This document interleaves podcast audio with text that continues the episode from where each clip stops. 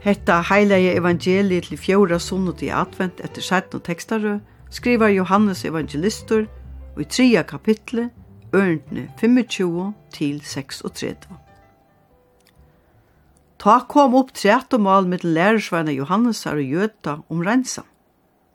Og tar kom til Johannes og søtt og vi han, Rabbi, han som vær tjatar hin med i Jordan, han som to vittna i om, så han døyper og atler koma til hansara.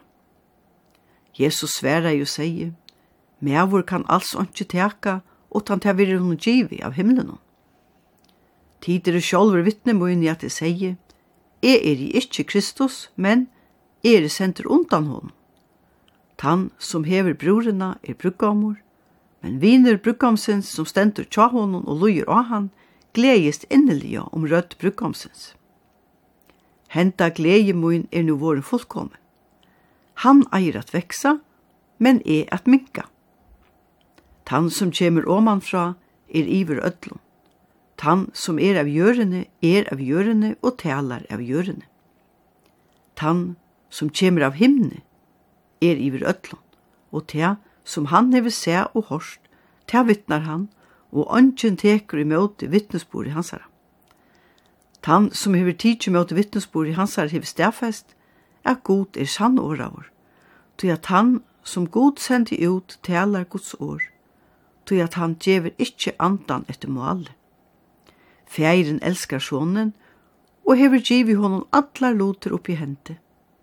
Tan som trur av sonen hever evet loiv, men tan som er sin og euloien skal ikkje sørja loive, men reie gods ververande iver honom. Vi tar i år til særlig støvu at fjore sunnedagur i advent eisen i jola aftan. Som flestu føringar er færre halta som en halvtje det, høyast han best i dævren framan undan føringar i Jesu.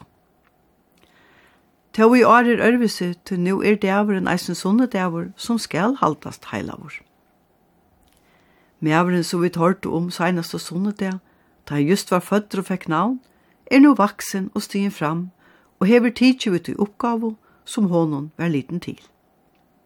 Sagt var fra at menn koma til Johannes og sige honom at hin, så var tjånen nu saunar fölkje og døypor. Det er bare heson, pette noen av vidt høyra om at Jesus skal hava døypt. Tøy er tekstren avhåverdur. En meira avhåverst er jo kanska årene tja Johannes og døyparna.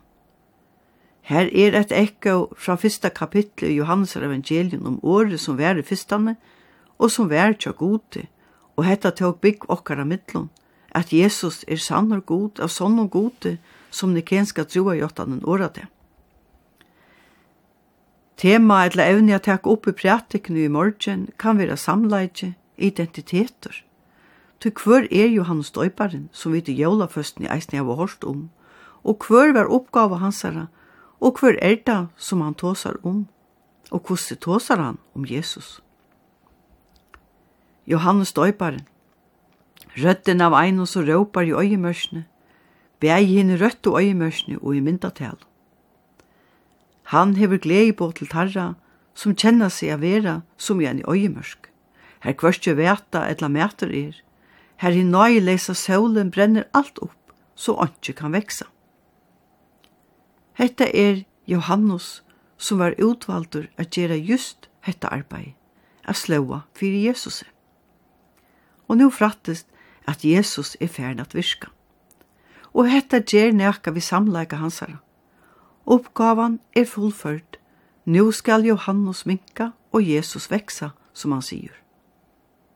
Atler koma til Jesus, sier lærsvenn til Johannes. Men han sverer best at ånden kan teka nekka som ikkje er hun givi av himmelen. Det vil si at ånden er tidsi fra Johannes, men alt er givet taimon som Jesus kjemur til. Jesus er kommet ur erva og nira hjørna, sier Johannes, og han har finnet allar loter i hendi og alt vald, tog han er ikkje av hjørne, men av himmelen. Til han ferast av hjørne og fremur sin kjerninger.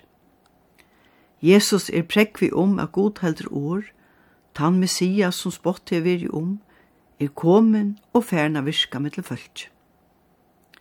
Og ja, færen elskar sonen, og sonen skal fruja fölk. At tryggva han djever evet loiv, ikkje at tryggva fører til undergengs. Hetta er samleidje Jesu, som vid komande deaner færa høyra nekv om, hina underfotlo føyngina og året som var holdt og tåg bygg okkara mittlom.